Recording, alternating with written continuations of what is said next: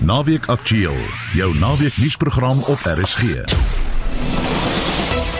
In ons program hoofregter Raymond Zondo sê Jacob Zuma het staatskaping moontlik gemaak. Ons praat met Alta oor moontlike regstappe teen die voormalige president. And justice will not only be people uh, arrested and going to jail, but it will mean also government has to go out and remedy the situation. Môre is internasionale werkersdag, maar wat van die werkloses? 'n Ekonom met die nuutste syfers. Ongeveer 40% stygings vanaf die periode 94 tot 2000. En ons korrespondent Christo Gawie fokus op die jongste sportnuus. Die Bulls marseer vorentoe teen die Glasgow Warriors gisteraand. Banyana Banyana in dieselfde groep ingesluit as Nigerië in die Afrika Vroue Nasies beker en die nalopers wys Suid-Afrika se diepte by die afloskampioenskappe. Baie welkom by Naweek Aktueel met my Anita Visser, die redakteur Elries Mashaba en ons produksieregisseur Johan Pieterse. Al die geld wat wederregtelik bestee is op die Vrystaatse Asbesprojek moet terugbetaal word. Dis een van die aanbevelings van die staatskapingsverslag. Nog 'n aanbeveling is dat die nasionale vervolgingsgesag korrupsieklagtes teen Blackhead Consulting en Diamond Hill Trading moet lê. Die departement van menslike nedersettings het in 2014 255 miljoen rand toegestaan vir die projek. Die staatskapingskommissie eis dat strafregtelike klagtes teen die regeringsamptenare en privaat maatskappye betrokke by die bedrog aanhange gemaak moet word. Meer as 30000 huise in die Vrystaat het steeds die asbesdakke. Die kommissie wil hê dat die sakeman Edwin Zodi, die voormalige DG van die departement menslike nedersettings Tabani Zulu en die hoof van die betrokke Vrystaatse departement Ntimotse Mokesi aangekla word. Die amptenare staan ook tereg op verskeie ander asbesverwante oortredings in die Hof in Bloemfontein. Die korrupsie is oopgevlek tydens getuienis wat die LER van Samewerkende Regering, Nkolisi Dukwana, vir die kommissie gelewer het. Die geskorste ANC sekretaris-generaal Ys Magashule en die Gupta broers word ook verbind met die korrupsie. Intussen het die staatskapingskommissie bevind dat Blackhead Consult Consulting en Diamond Hill Trading omkoopgeld betaal het om toegang te kry tot politici in sleutelposisies. Dukwana verduidelik. It it will mean a lot in terms of ensuring that we cap the rot and we stop it. But we need also to make sure that we we do justice to the people who are affected. And justice will not only be people uh, arrested and going to jail. But it will mean also government has to go out and remedy the situation. Intussen is die DA korrek bewys. Die party het die saak al in 2015 onder die openbare beskermer se aandag gebring. Die DA se verteenwoordiger in die Vrystaatse wetgewer, Leona Kleinhans, was die fluitjie blaser. And particularly significant for us is the findings against the political leadership. The finding that the former Premier Ace Magashule provided no leadership over his own executive and did not intervene when it was clear that there were irregularities taking place. So, in that regard, we feel that going to court in 2015 was the right thing to do, and we look forward to the continuation of the current court case on the asbestos matter. Die multimiljoen rand se asbessaak dien tans voor die hof. Ysmagashule 10 ander individue en nie minder nie as 5 maatskappye staan tereg op meer as 70 aanklagte van korrupsie en geldwasery. Die verslag is saamgestel deur Magale Masiteng in Bloemfontein. En ons bly by staatskaping. In die 4de deel van die verslag het die voorsitter van die kommissie, hoofregter Raymond Zondo, ook aantuigings teen oud-president Jacob Zuma gemaak. Die verslag sê Zuma is deur die Guptas gemanipuleer om hulle sake belange te bevorder. Volgens die kommissie was Jacob Zuma 'n sentrale figuur wat staatskaping moontlik gemaak het. Zuma het as te ware staatsbeheerde instellings tot die diens van die Guptas gestel. Die verslag sê verder dat Zuma enigiets sou doen wat die Guptas wou hê, ongeag hoe dit Suid-Afrika benadeel het. Vir meer hieroor praat ons nou met die hoof van regsaake by Alta, advokaat Stefanie Fik. Goeiemiddag Stefanie. Goeiemôre Anita. Stefanie, eerste belangrike vraag, gaan julle iets doen? Gaan julle optree? Wat moet gebeur met Zuma?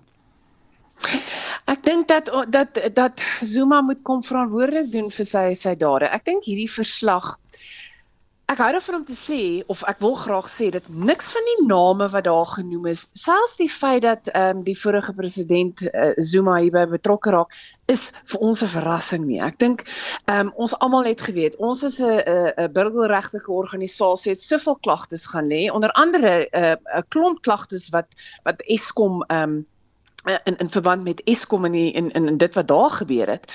Ehm um, en ek dink daar's soveel ander burgerregtelike organisasies wat dit geweet het. Die joernaliste het al het al vir so lank wat hulle rapporteer oor die invloed wat wat daar. So ek dink dit dit is 'n soort van 'n 'n vindication vir almal. Weet ons het ons het almal gesê maar dit is wat daar gebeur het. Hmm. Maar ek dink hierdie verslag weer eens wys net vir ons hoe diep het staatskaping ehm um, plaasgevind. So en en en hoe ver dit gestrek het. Wat vir, wat ek dink vir ons ongelooflik belangrik is wat in wat uitgewys word deur die verslag is nie net verantwoordbaarheid nie, maar daar ook nou verandering moet plaasvind dat die politieke inmenging dadelik moet stop want anders dan gaan daar net 'n herhaling wees van hierdie. So ek dink ons beskou dit as 'n uh, as ongelooflik belangrik om aan te hou praat oor oor oor wat gebeur het en aan te hou seker maak dat die instansies wat verantwoordelik is om mense verantwoordelik te hou om dit te doen. En hopelik is daar ook politieke um, veranderinge. Stefanie, hoe gaan julle dit doen? Hoe gaan julle seker maak dat uh, hierdie boewe wel betaal wat hulle ons skuld?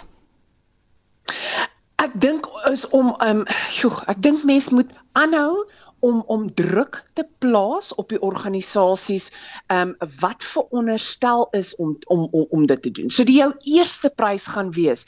Die NPA Hawks moet moet as moet nou hierdie inligting vat en asseblief tog nou net begin met met vervolgings. Ons het al soveel daaroor gepraat. Privaat vervolgings is nie een van van die maklikste uh, dinge om te doen nie. En dit is in elk geval nie in in terme van die grondwet is dit die NPA se werk. Ehm um, maar as ons dan nou nie verandering sien nie, is ons van mening dat die verandering dan nou van die burgers van hierdie land kom. Met ander woorde, ons uh, is huidig huidiglik, weet ons almal, dat die nuwe Electoral Act is is is voor die parlement. Uh mhm. -huh. Ons moet mense daarvan be bewus maak dat ons weer, ons moet teruggaan na die stembusse toe sodat ons vir die politieke partye kan wys. Dit is julle moet die land regeer en dan nou die regering, land regeer ons beste belang, nie in julle beste belang nie. En dat die ek wil amper sê dat daar 'n uh, 'n uh, uh, uh, ek dink ons as die burgerlike samelewing moet besef dat ons moet begin opstaan vir ons regte mm. en dat ek dink daar moet 'n skuif wees van so dit so dis rarig om vir mense ek wil amper vir jou sê is om vir mense daarvan te oortuig maar maar weet julle wat as daar dan nie verandering gaan kom aan die politieke kant nie is dit ons plig om seker te maak daar's verander. Ek dink Stefanie, hulle is reeds oortuig want ons praat tog hier van belastinggeld. Met ander woorde, al die luisteraars wat vanmiddag nou hierdie onder na ons luister, jy en ek wat praat daaroor. Dis hulle geld. Inderdaad. En ek dink ons het nou gesien al hierdie hierdie eh, hierdie sprake soos ek sê, ek dink nie enige van hierdie uitlatings is is regtig 'n verrassing vir ons nie. Ek dink ons weet dit al vir vir vir, vir baie lank. Mm. En dit is net baie tragies om te dink dat dit is ontken vir vir so lank wat is staatskaping en en en en ensovoorts ensovoorts. Maar wat ek dink belangrik is is dat ons sien dat die wat die wat wat korrupsie kan doen aan 'n land. Ons is nou daar wat ekonomies dit nie goed gaan nie. KwaZulu-Natal is 'n perfekte voorbeeld van wat korrupsie kan doen aan infrastruktuur. As mm. gevolg van die feit dat geld nie daar aangewend is nie, gaan KwaZulu-Natal ongelooflike lang tyd sukkel om weer weer op die been te kom. Maar dis hoekom ons as burgerreg eh, eh, belastingbetaler nie belas almal van ons wat ons moet meer betrokke raak weer by ons plaaslike regering. Ons is geneig nogal om baie krit, um, krities te wees teenoor teenoor byvoorbeeld plaaslike regerings met rede, met rede. Maar kom ons raak weer betrokke. Wanneer laas was ons by vergaderings? Wanneer laas het ons probeer hande vat met plaaslike regerings waar daar om 'n verskil te maak en om dan as daar nie uh, vrywilliglik 'n uh, verskil gemaak um, kan word nie om dan hande te vat. Ek ek dink dis ook om om hande met mekaar te vat en te sê maar as jy dan nou nie die gate in ons baie gaan regmaak nie, kom ons staan saam en ons doen dit. Stefanie Jacob Zuma het twee keer voor sy landgenote 'n eed van getrouheid afgelê om Suid-Afrika se belange te bevorder, nie sy eie belange nie. Hy het dit nie gedoen nie. Kan hy op grond daarvan strafregtelik aangekla word dat hy 'n swak president was? Dit gaan baie politieke wil vat om om om om daai stap te vat en ons sien nou dat hy ekskuus is maar glibberig as dit kom by um, om om tereg te staan op kriminele klagtes. Ek dink die beste um, ek, ek dink boodskap wat eh, die wat wat die ANC byvoorbeeld nou kan kan gee is om te sê maar ons sal stappe neem om en, en stappe teen al die uitvoerende ehm um, lede. Met ander woorde ons praat van ministers. Ehm um, Mosebenzi Zwane mm. wat nog steeds 'n MP is en ons betaal nog steeds 'n salaris vir hom om om in in in parlement te sit. Dat die uh, die polit, politieke party soos die ANC nou na sy eie lede toe moet gaan en sê maar okay, ons wil verandering meebring. Met ander woorde ons sal julle verantwoordelik hou. En dan moet ek sê, ek dink ook daar is 'n um, 'n saak uit te maak dat strafregtelik, ek dink ons vorige president um tereg moet staan op klagtes. Ek mense wil amper sê of dit nou ooit sal gebeur, ek dink dit dit is miskien 'n droom, maar om te sê dat ek dink hy is het het het getrouheid geskuld aan elke iedere Suid-Afrikaner in hierdie land en dis nie wat ons gekry het nie. En wat wat is dit? Ek dink jy praat hier van van van van ehm um, treason as uh, uh, mense wil half sê maar jy het ons regtig waar nie hierdie land regeer in die beste van ons belange nie en dat jy daarvoor verantwoordelikheid moet moet moet vat. Die Gupta's het 'n redelike lae profiel op die oomblik. Waar is hulle nou? Wat doen hulle en wat gaan met hulle gebeur? Well, ek dink hulle Ehm um, ek dink as mense so negatief daarna kyk, is seker besig om ehm um, die geld wat hulle uit Suid-Afrika te maak gemaak het te, te spandeer. Maar ons het nou die die die ooreenkoms geteken met die ehm um, ehm um, met Dubai, dis die Emirate. Mm, mm. En hooplik 'n uh, 'n uh, 'n uh, uitruil soort van ooreenkoms is nie die maklikste nie. Ek dink tradisioneel is dit 'n ongelooflike moeilike proses en dis omdat ek ek dink baie keer is omdat die politiek daarbey betrokke is, maar ons moet die prosesse volg want as ons nie die prosesse volg nie, ehm um, die die die feit dat ander mense nie prosesse volg nie beteken nie weet dat dat ons die uh, prosesse um, moet volg nie. Ehm um, two wrongs doesn't make a right. So is om die prosesse te volg en wat ek sien is dat daai proses gaan gevolg word. Hulle gaan uitgelewer word aan Suid-Afrika en hulle sal moet aan 'n hof moet kom verduidelik hoekom hulle nie skuldig is aan die ongelooflike hoeveelheid korrupsie, bedrog wat hulle in Suid-Afrika gepleeg het. Dit gaan miskien bietjie langer vat as wat ons dink, maar ek dink tog die die the wheel of justice is turning. Partykeer draai 'n bietjie stadig, maar hy draai. Stefanie net laasens, wat wil julle hoor van president uh, Ramaphosa? Ek benei nie nou sy situasie nie, maar hy's die hy's die president van hierdie land. Hy moet nou vir ons wys dat die eet wat hy afgelê het, hy baie ernstig vat. Dat hy eh, regtig waar na hierdie verslae sal kyk, dat hy regtig waar na al die ehm um, aanbevelings sal luister.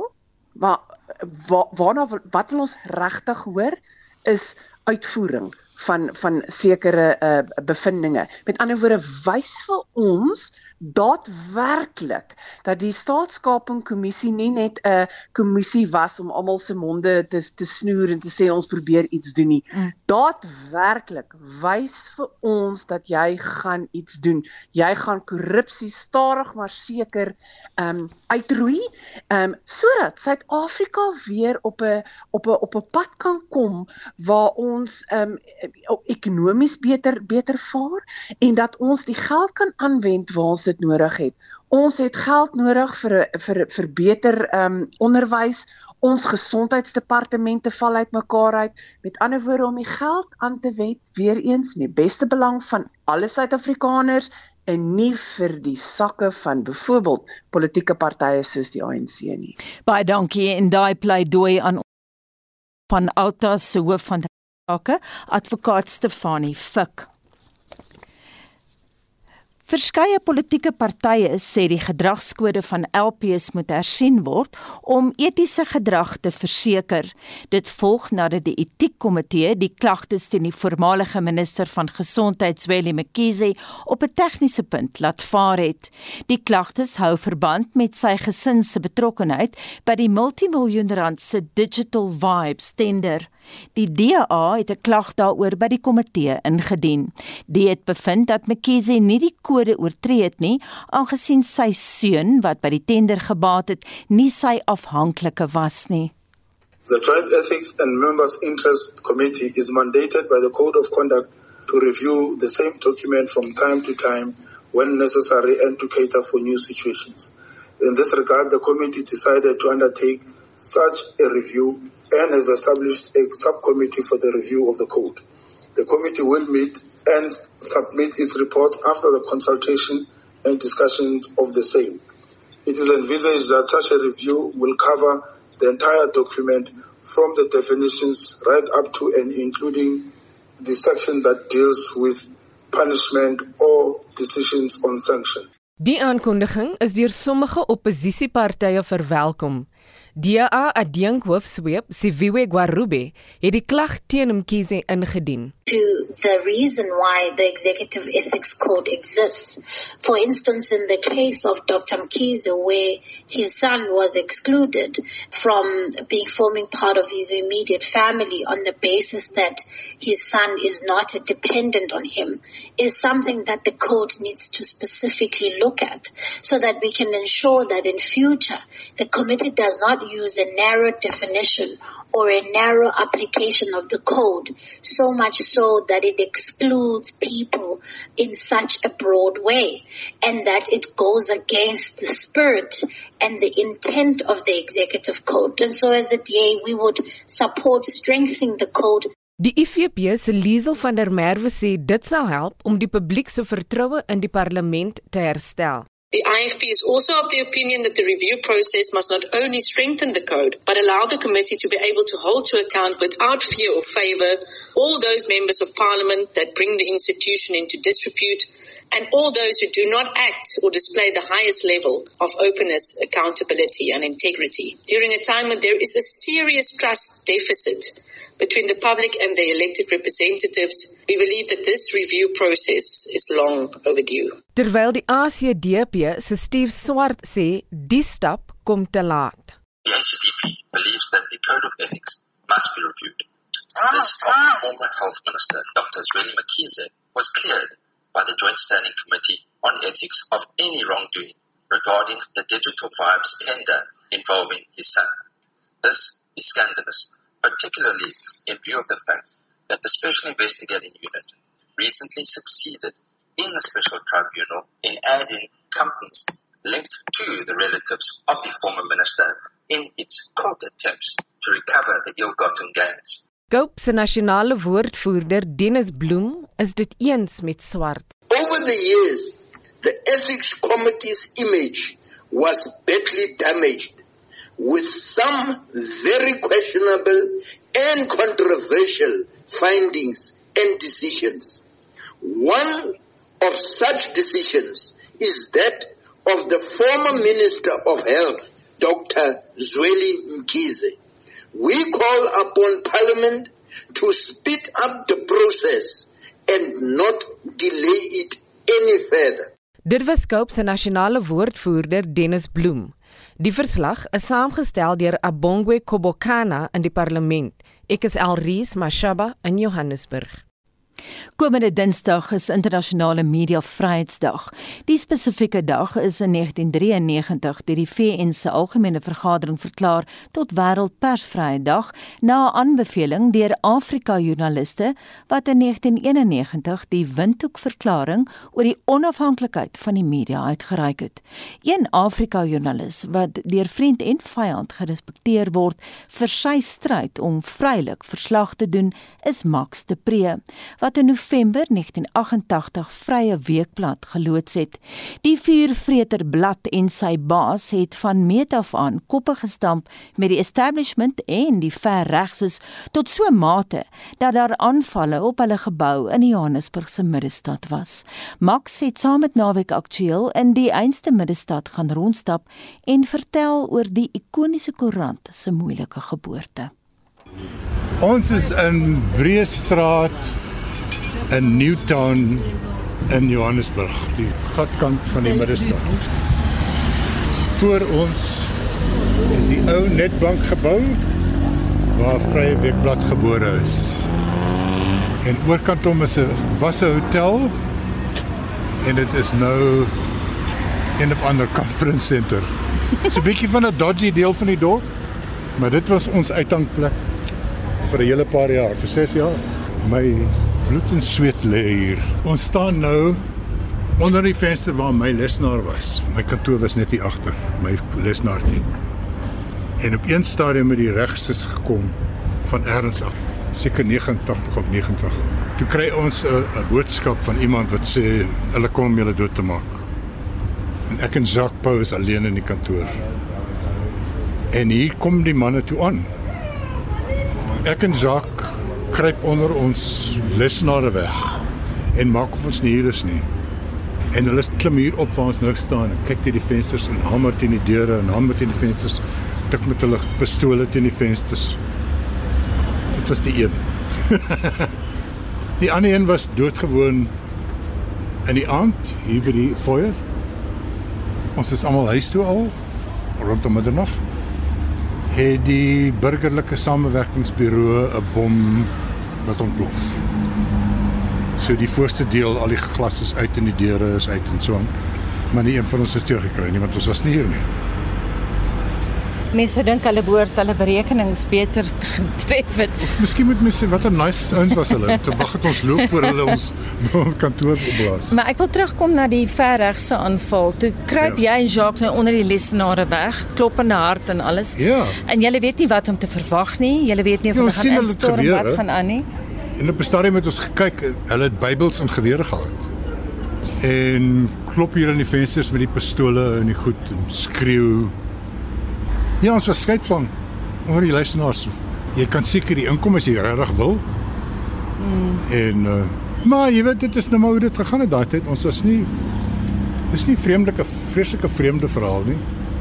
Ons het van die begin af geweet dit is 'n groot risiko wat ons doen. Jy weet, ons het begin in 1988 toe Pierre Botha met sy swaaiende vinger op sy sterkste was. Dit was voluit totale aanslag, totale whatever die ander ding was. Totale strategie. Duisende mense was in die tronk sonder verhoor. Bomme het afgegaan oral oor. Die land was onregeerbaar. Kusatu en die UDF het te kere gegaan met massa proteste. En Konto Sizwe het so nou dan 'n bom laat ontplof. En in daai atmosfeer het ons gekom met 'n Afrikaanse koerant wat sê apartheid is verkeerd. Kan ons vir julle sê wat regtig gebeur in die townships? Kan ons vir julle sê wie Mandela regtig is? Wat regtig in Suid-Afrika aan die gang is onder die oppervlakte? Buite julle wit bubbel en buite julle wit parlement? En dit ons moet geweet dit gaan mos nie 'n welkome ding wees nie. Mm -hmm. En ons het geweet daar's uh Louis Lagrange en Adrian Vlok en Magnus Malan en al die ander mense wat mos nie sommer net gaan sê hulle is happy dat ons hierdie goed skryf nie. Ja, natuurlik. So wat hulle uiteindelik toe gedoen het is eerder as om ons te probeer toemaak. Mm het hulle eers probeer om dit vir ons onmoontlik te maak om uitgegee te word. Wat voor ons begin het al gebeur het. Want basies met my spaargeld is die eerste uitgawes uitgegee, right? Mhm. Mm jy het skilderye verkoop sê jy. Jy het jou kar verkoop. Ek het twee beautiful ou Lancias gehad wat ek baie verlief was. Italiaanse sportmotortjies en my polisse en my pensioen. Ek kom toe van business day af en my skilderye, alles wat ek gehad, alles wat ek gehad. Anyway, en hulle weet dit natuurlik alles, maar hulle weet ook toe ons beplan hierdie ding. Toe moet ons nou in daai tyd hier met die koerant registreer as 'n nuusblad by die poskantoor. Net om te kan sê dis die eienaar en dis die adres, dit kos R10 net om dit op rekord te kry. Die vind Kobie Kutse se departement erns in die wet by die R10 of ander bedrag soos die minister dit goed ag. En toe ag hy dit goed om 'n R30000 te maak van R10 af. Ah. Want hy weet ons het nie gehad nie. Toe gee ons die koerant anyway uit en ons sê vir die leerders dis wat Kobie Kutse wil hy wil 30000 julle vir ons R30000 om ons kan betaal en binne 'n uur nadat ons ekstra gekom het, het ons R30000 gehad. En toe gaan klaai my aan omdat ons 'n koerant uitgegee het sonder dat ons by die poskantoor geregistreer was. Dit is hoe dit was. So van die begin af het ons geweet dit gaan rof raak. Ons het gedink ons sou vroeër dalk al aangeval gewees het of aangehou gewees het. Maar die feit dat ek Afrikaans is en wit is en en relatief bekend was want ek was toe al 'n klompie jare in die journalistiek ek dink dit het moeiliker gemaak. Ook omdat die buitelandse pers tot my uiterste irritasie vreeslik baie daarvan gemaak het van hierdie Afrikaner rebel groep. Jy weet, mm -hmm. daai soort van simplistiese kyk van alle boere is dikgewrig apartheid ondersteuners. Mm -hmm. Hoe maar hier is hierdie quaint boertjies wat nou iets anders doen. Mm -hmm. My geïrriteer, maar dit het vir ons gehelp. Jy het die New York Times gehaal. Ons was in elke koerant in die westerse wêreld die Kanadese het dokumentêre film oor ons gemaak en so aan. En ons het dit maar verduur want dit was geld en ondersteuning. So elke keer wanneer ons aangekla word, daar toe ons na die ambassadeurs toe. Mhm. Mm en sê gaan na die minister toe en sê julle maak beswaar dat hulle ons beter behandel, jy weet. Hoorie so Max maar gepraat uh, van die Kanadese. Hulle het vir julle tikmasjiene gegee. Um, of rekenaars. Rekenaars. Rekenaars. Ja, rekenaars storie is eintlik 'n ander storie. Die enigste rede waarom Vrye Weekblad toe moontlik was met niks geld nie is dat desktop publishing het toe pas uh op die toneel verskyn. Met ander woorde, jy kan jy hoef nie deur 'n setmasjien te gaan en warm lood te hê nie om jou letters op te sit nie. Jy kan dit op 'n rekenaar doen. En toe het ons gaan hier in hierdie dodgy neighborhood van ons gaan komputer soek en iemand gekry wat ons vermoed van die goed was dalk nie baie wettig nie. Het hy 'n klomp rekenaartjies bymekaar gesit. Mhm. Mm Sommige so bymekaar gesit en toe die Kanadese vir ons 'n groot ontwerprekenaar geskenk vir opleidingsdoeleindes.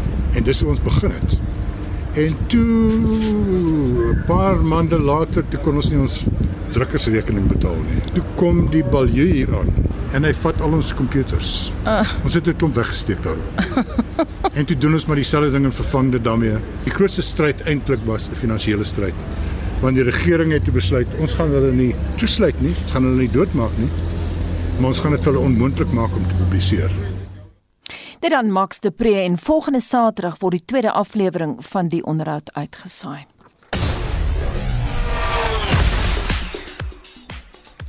Dis 12:33 jy luister na Naweek Aktueel en dit is tyd vir sport met Christo Gawie. Goeiemôre Christo. Goeiemôre Anita, goeiemôre Suid-Afrika. Kom ons begin met die Bulls. Hulle marseer vorentoe teen Glasgow Warriors. Dis nou gisteraand, né? Nee? Ja, absoluut. Die Bulls, hulle het gisteraand 4-3 gedruk uh om die uitspeel aanspraakmaker soos jy genoem het Glasgow Warriors met 29-17 op Loftus Versveld in Pretoria af te steek en 'n groot aanspraak op 'n tuis uitspeelplek te maak. Die Bulls het in die tweede plek het hulle op die algehele punteleer agter Leinster ingeskuif deur die bonuspunt op te tel. Daar's 3 kragmetings vandag waarin Suid-Afrikaanse spanne vertoef. Die heel eerste is vanmiddag om 2 uur wanneer die Lions teen Benetton te staan kom. Die Sharks is om 4 na middag in aksie teen Connacht. Vanaand na 6, net na 6 sal daar 'n Kaapse storm woed wanneer die manne van Kaapstad, dis die Stormers, wanneer hulle sake teen die voorlopers op die punte leer, soos ek genoem het, Leinster sal uitspook. En dan Banyana Banyana word in dieselfde groep geloot saam met die verdedigende kampioen Nigerië, dis nou in die Afrika Vroue Nasiesbeker. Ja, absoluut. Die openingswedstryd van die Total Energies Afrika Vroue Nasiesbeker 2022 sal die gasheer Marokko op die 2 Julie teen Burkina Faso sien in die Prins Moulay Abdallah Sportkompleks in Rabat. Nou die volledige toernooi skedule, dit is gisteraand na die loting in Rabat is dit bepaal die Morokkaan Nawal El Mutawakel en ook Kameroen uh, se Ajara Njoya. Hulle het aan die seremonie het hulle deelgeneem en die kompetisiedirekteur Samson Adamo het hulle gehelp met die trekking en Banyana Banyana is in dieselfde groep geloot met die verdedigende kampioene Nigerië wat hulle in die laaste eindstryd ook geklop het. Nou in groep A is Marokko, daar is ook Burkina Faso en Senegal, as ook eh, Uganda, Kameroen, Zambië, Tunesië en Togo is in groep B en dan eh, Suid-Afrika wat saam met Nigerië en dan ook Burundi en Botswana in groep C is. En dan nalopers wys Suid-Afrika se diepte nê by aflos by die aflos kampioenskap. Ja, terwyl die land se sterk provinsies gister sou oorheers, kon die kleiner streke 'n sterk stryd voer in naloop aflos eindstryde om te verseker dat die land se diepte op dag 1 van die Atletiek Suid-Afrika aflos en multi byeenkomste kampioenskappe vertoon word gister by die DP De Villiers Stadion in Sasolburg. Nou Atletiek Gauteng Noord, hulle was moeilik om te klop soos verwag is en het 4 van die 8 nasionale 400 meter aflostitels gewen wat op die openingsdag van die kompetisie aangebied is. Die Atletiek Gauteng Noordgroep het die onder 18 meisies uh 47.43 sekondes en seuns 41.82 finaal asook die onder 20 vroue 47.43 en senior vroue 45.16 se goue medaljes gewen. Atletiek Sentraal Noordwes het in die senior mans 400 meter uh, aflosfinale hulle provinsiale teenstanders verstom en onder 40 sekondes geduik om die uh, SA titel in 39.80 te wen. Sentraal Gauteng Atletiek het die onder 20 mans eindstryd 41.31 en die onder 16 meisies titel 48.34 gewen terwyl die Weselike Provinsie Atletiek goud in die seuns se onder 16 kompetisie gewen het met 43.47. Baie dankie en dit dan Christo Gawie. Nou 'n brokkie uit die geskiedenis. Vandag in 1945 het Adolf Hitler en Eva Braun, met wie hy die vorige dag getroud is, hulle eie lewens geneem in die bomskuiling onder die Duitse kanseliersgebou in Berlyn. Hitler het versoek dat die oorblywende bomskuilers sy en Eva se lyke buite in die kanselierstuin moes verbrand, want hy wou nie hê dat sy oorskot en die van sy bruid tentoongestel moes wees nie. Nou sonder die fisiese bewys van lyke het gerig te vinnig die ronde gedoen dat Hitler nie gesterf het nie. Die storie het 'n hupstoot gekry toe die Russiese generaal Georgi Zhukov tydens 'n media-konferensie op 9 Junie 1945 in opdrag van Josef Stalin aangekondig het dat Adolf Hitler ontsnap het. Dieselfde maand het 68% van Amerikaners in 'n meningspeiling gesê hulle glo vas Hitler leef. Tydens die Potsdam konferensie in Julie 1945 het Stalin in antwoord op 'n vraag gesê Hitler is of in Spanje of in Argentinië. 3 maande later het die koerant François die nasie-ambassadeur in Vichy Otto Abetz aangehaal en dit ook gesê Hitler leef. Die Britse intelligensiediens onder leiding van Dick White het hulle agent Hugh Trevor Roper opdrag gegee om die saak te ondersoek en Roper het in 'n skriftelike verklaring wat in 1946 vrygestel is, die dubbele selfmoord vir eens en altyd bevestig. In sy woorde, the desire to invent legends and fairy tales is greater than the love of truth. Dis nou 12:41 en môre is internasionale werkersdag. Die datum is op 14 Julie 1889 in Parys, Frankryk geplok, geproklaameer as 'n dag om werkers se solidariteit met mekaar te vier. Een van die doelstellings van die veldtog was 'n werksdag beperk tot 8 uur lank waarvoor baie mense in die FSA en Rusland hulle beywer het. Vandag het vakbonde dan ook 'n groot sê in hoe die werksplek plek bestuur moet word. Maar wat gemaak in 'n land waar dit moeilik is om werk te kry? Wat beteken 'n spesiale werkersdag vir Suid-Afrikaners wat in sommige gevalle al jare lank werk soek? Twee van hulle het hulle storie met Naweek Aktueel gedeel. Die eerste, Christo van Niekerk, is 'n 43-jarige chef wat pas 'n betrekking gekry het op Woester na 'n soektog van 7 maande. Jong, kom ek so sê, ek het my chef na 'n klomp plekke toe gestuur. Baie min mense het gereageer net om te sê hoorie, dankie, ons het hom gekry of dankie, ons het nie nou plek vir jou of wat ook al nie. So dit is nogal iets wat my geplaas dat min mense so half reageer as jy jou CV stuur. Ek moet egter sê ek het op RSC werksoek ook geadverteer en daar het 'n vrou my gebel het iets spruit uit wat my pos aangebied het, maar dit was toe nou nie iets wat ek kon vat op daardie tyd. Ek moes toe nou half in Woester bly so. Ek het daarom 'n werksaanbod by iemand in Hoedspruit gekry by 'n lodge. Hoe lank het dit jou gevat om werk te soek? Hoeveel maande het jy gesoek? Ek het seker so, dis dit kom seker al van laas jaar omtrent September af. Ja, laas jaar September. En hoe het jy aan die lewe gebly, Christo? Mense het mos maar familie en vriende en almal help waar hulle kan. So dis hoe mense aan die lewe bly en ek het daarom so 'n bietjie entrepreneurship ook in my en ek kan goed kos maak, jy weet. So ek het daarom partykeer goed gebak en verkoop en sulke tipe goed. Ek het planne gemaak. Ons is almal mense en jy, jy voel maar half minderwaardig hoe langer jy sit sonder werk. So ja, dis nou nie iets wat ek vir ewig gaan saamdra nie, maar dit het tog 'n groot impak op jou lewe want ek bedoel die lewe het duur geword en sonder werk raak dit maar net nog moeiliker.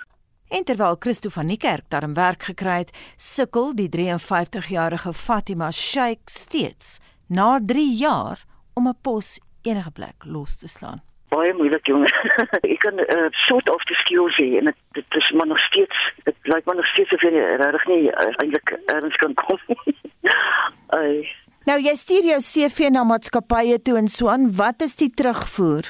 Kyk, as ek op die webwerf nou byvoorbeeld, jy weet ons doen, jy dan nou dit byvoorbeeld dat baie companies veral corporate companies vra vir mense tussen die ouderdom van 18 en 35 ek kan dit verstaan maar ek probeer nog daardie gaping kry waar hulle bietjie ouer mense ook nodig het te ander companies en probeer maar aanhoudend. Ek weet ek is nou nie meer 20 nie en ek verstaan dit beïnvloed maar my ehm um, my kans om na werk te kry as ek nou 'n bietjie ouer is maar ek kan nog alles doen soos 'n 20 jarige Sê vir my Fatima wat 'n soort werk kan jy alles doen Ek kan byvoorbeeld nou groot databasisse uh, opstel en hanteer. Baie goed in alle kantoorwerk en ek plek ook baie goed in uh jy weet dinge in catering byvoorbeeld, weet jy basiese functions daar ook. Dit is my baie maklik.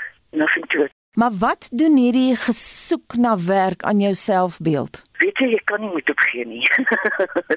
Dis een wat as jy moet opgee dan woon toe gaan jy dan. My selfbeeld kom tweede. Oor die algemeen net baie debilitating as 'n familie vir ons om te sukkel sonder inkomste van my man kry maar net 'n strydpensioen hy het eers 'n goeie pensioen gekry by 'n Joodse maatskappy waarvoor hy gewerk het so 20 jaar terug maar daai pensioen het al opgedroog. Jy weet wat ek meen? En 'n strydpensioen is maar amper niks hy En so sê Fatima Sheikh wat nou al 3 jaar lank werk soek, sy het gister haar verhaal met Naweek Aktueel gedeel. En ons bly by sake rakend internasionale werkersdag, maar hier op Naweek Aktueel gee ons aandag aan die werkloses wat dikwels wil maar nie kan werk kry nie. Trouwens in Suid-Afrika staan die werkloosheidssyfer vandag op 35,3%. Chris Harmse van CH Economics sê die fout het met die Zuma administrasie begin. Anita baie sterk ongeveer 40% stygings vanaf die periode 94 tot 2000 waar die gemiddeld ongeveer so 28% was en self gedaal het tot so laag soos 22% hier by 2005 2006 so as jy van 22% vat hier by 2005 Hey, 22% nou na 37% is dit 'n baie sterk stygings. So ons het gesien in die Suid-Afrikaanse ekonomie dat voor Zuma twee goed het gebeur. Ekonomiese groei se gemiddeld was 4% en werkloosheid se gemiddeld was 27% oor daai tyd. In die volgende 8 jaar het ekonomiese groei afgekom na ongeveer 1.9% met in diensname wat dan toe by die 30% gestyg het van ongeveer so 27%. Maar sedert 2015 is ons gemiddelde ekonomiese groei 0.7 en ons gemiddelde werkloosheid is nou hier by 32%. Mm. So met ander woorde ons het 'n stelselmatige verswakking in beide gekry oor hierdie tydperk. As mens na die langer tydperk kry, dan sien mense hierso is 'n groot verswakking in beide en dit natuurlik dra redelik baie sterk by tot armoede en herverdeling van inkomste wat ons kry en dis die krisis wat aangespreek word. Wat ook belangrik hier is is as mense van die hoofrede agter die werkloosheid lê in natuurlik in onderwys. Daar is steeds vandag nog 54% van die arbeiders wat die arbeidsmark betree, is so 52% van hulle het nie matriek nie Die ander ding wat baie mense oor kla oor die gegradueerdes, 2.2% van graduaan die kry nie werk nie. Die krisis lê in die onderwys. Chris, kom ons gaan terug na die kommentaar wat Fatima gelewer het. Sy sê jy sukkel as jy oor 50 is om werk te kry en dat groot maatskappye wil mense hê tussen 18 en 35. Anita, ja, dis waar. As 'n mens gaan kyk, praat hulle van die sogenaamde vaardigheidskrisis. Mense glo dat persone bo 50 het nie in hierdie era van sosiale media, rekenaarprogramme, persoonlike rekenaars groot geword nie en dat hulle doeteenvoudig nie of die vaardighede het om die nuwe kom ons sê die nuwe millennium se vaardighede kan toepas nie. Dan hulle doeteenvoudig te oud en hulle leer stadig om dit te hanteer En dit is so gee 'n selfoon vir 'n kind van 9 jaar en hy gaan vir jou 'n paar dinge wys wat hy kan doen of gee vir homself enige tegnologiese sosiale media en hy sal vir jou dinge wys wat jy nie weet nie. So dis 'n vaardigheidskrisis. Dis 'n vaardigheidskrisis wat hulle glo dat mense bo 50 is nie in die nuwe millennium nie. Hulle gaan ook nie die vierde nywerheidsontwikkeling kan hanteer nie en hulle gaan eerder dan gaan vir jonger mense onder die ouderdom van 35 jaar en hulle glo ook hulle kan hulle aanstel teen 'n laer salaris as onder vaardighede. Wat is die teenpool? Die teenpool is dat jy kry maatskappye wat mense met ervaring gaan aanstel bo 50 in verskillende gebiede van onderwys tot ingenieurswese tot in bestuur wat vaardighede is, maar hulle neem hulle aan in as konsultante. Hulle betaal hulle 'n laer salaris as wat hulle 'n persoon sou betaal wat hulle voltyds betaal en ander hulle betaal nie medies nie, betaal nie pensioen nie, betaal nie ander byvoordele nie.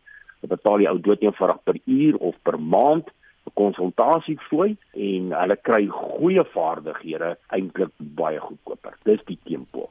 En so sê die ekonom Chris Harmse van CH Economics. In ons weeklikse motorrubriek toets Wesel Pretoria se Suzuki.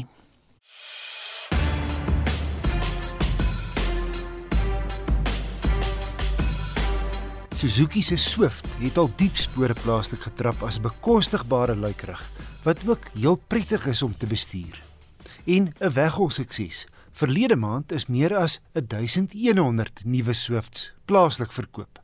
En Suzuki was algeheel die 4de beste verkoper in Suid-Afrika. Die Swift is verlede jaar opgeknap. Die hele reeks het nou elektroniese stabiliteitsbeheer en drie sensors. Die reeks begin by die GA teen R185 000, dan's daar 'n GL met middelafwerking. Ek het die GLX 5-spoed topmodel teen net oor die R222 000 gery. Die twee dierder afwerkings is ook in outomaties beskikbaar.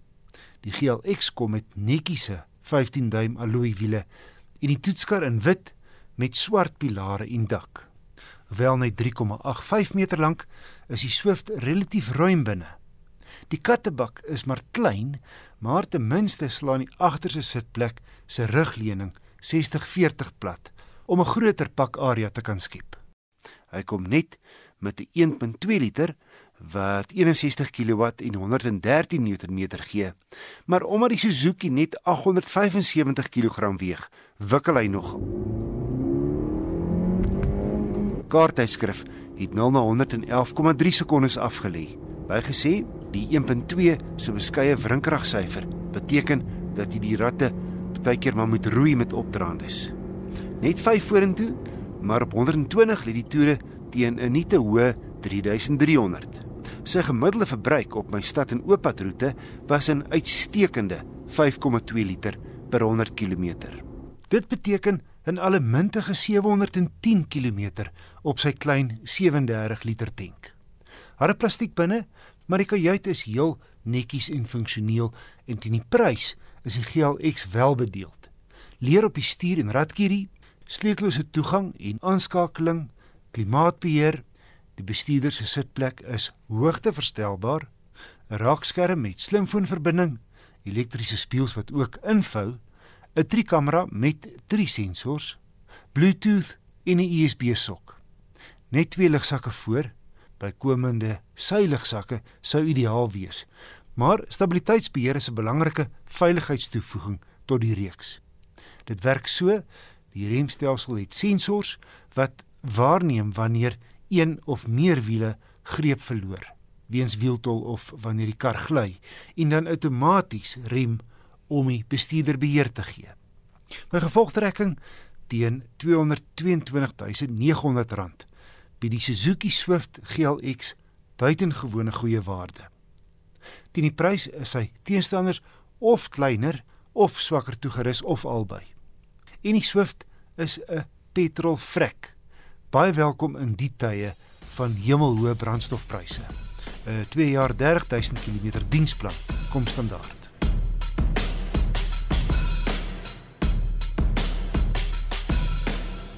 Die wat môre of oormôre terugkeer van 'n lang naweek, vat dit rustig.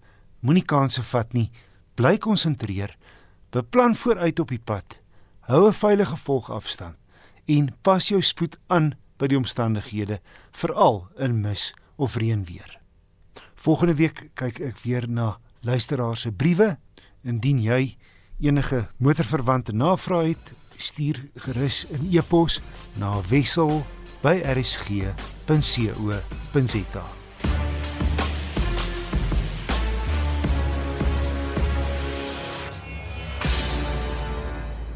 En van Wessel Pretoria gaan ons na Leon van Heerop en dit beteken flieksake.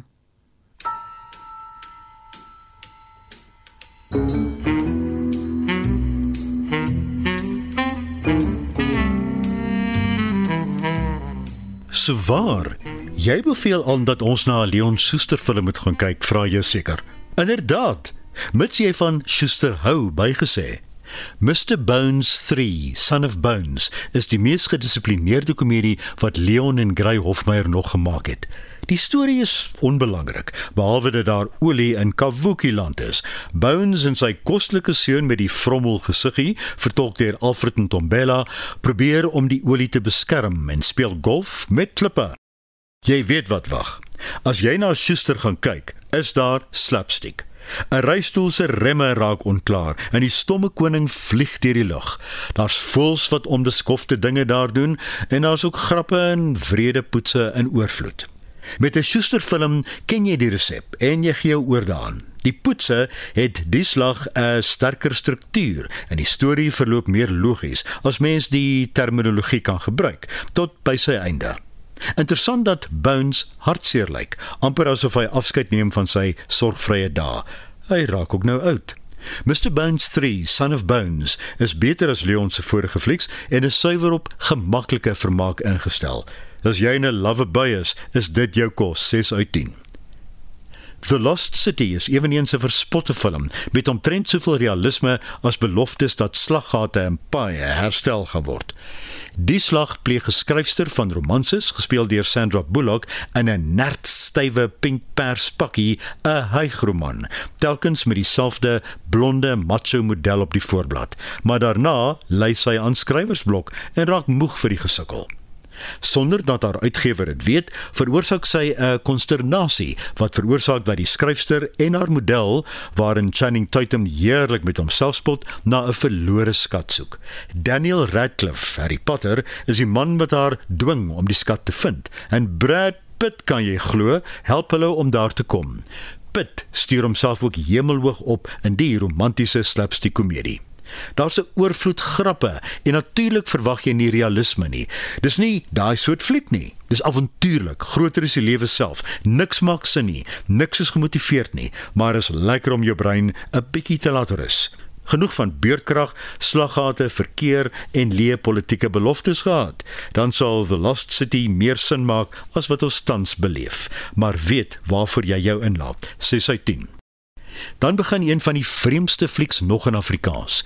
Ek noem dit kos vir die brein, maar hierdie kos bestaan uit gruwelike lewendige organismes, sampioene en ander rare goeters. Daar's ook 'n grieselrige kreatuur wat toeslaan op 'n bosbouer en 'n man wat die kluts heeltemal kwytraak. Voeg by sy seun, briljant gespeel deur Alex van Dyk en jy het vreemde mense bymekaar. Die rolprent se naam is Gaia en dit wys tans op DStv box office. Gaia is die Griekse godin van die aarde en in die Suid-Afrikaanse film deur Jaco Bouwer neem die natuur wraak op die mens wat haar so misbruik het. Dit wys ook in enkele rolprent teaters. Daar is gruisame en ontstellende, selfs surrealistiese tonele. Jy moet dus in die bui wees vir Gaia en jou oorgee aan die rare, wrede en eksentrieke surrealistiese gebeure. Slegs vir 'n uitgesoekte gehoor wat dit sal verorber, maar ander mense sal vra, "Wat die duiwel?" Gaia is enig in sy soort in Afrikaans en kry 8 uit 10. Ons praat weer volgende week.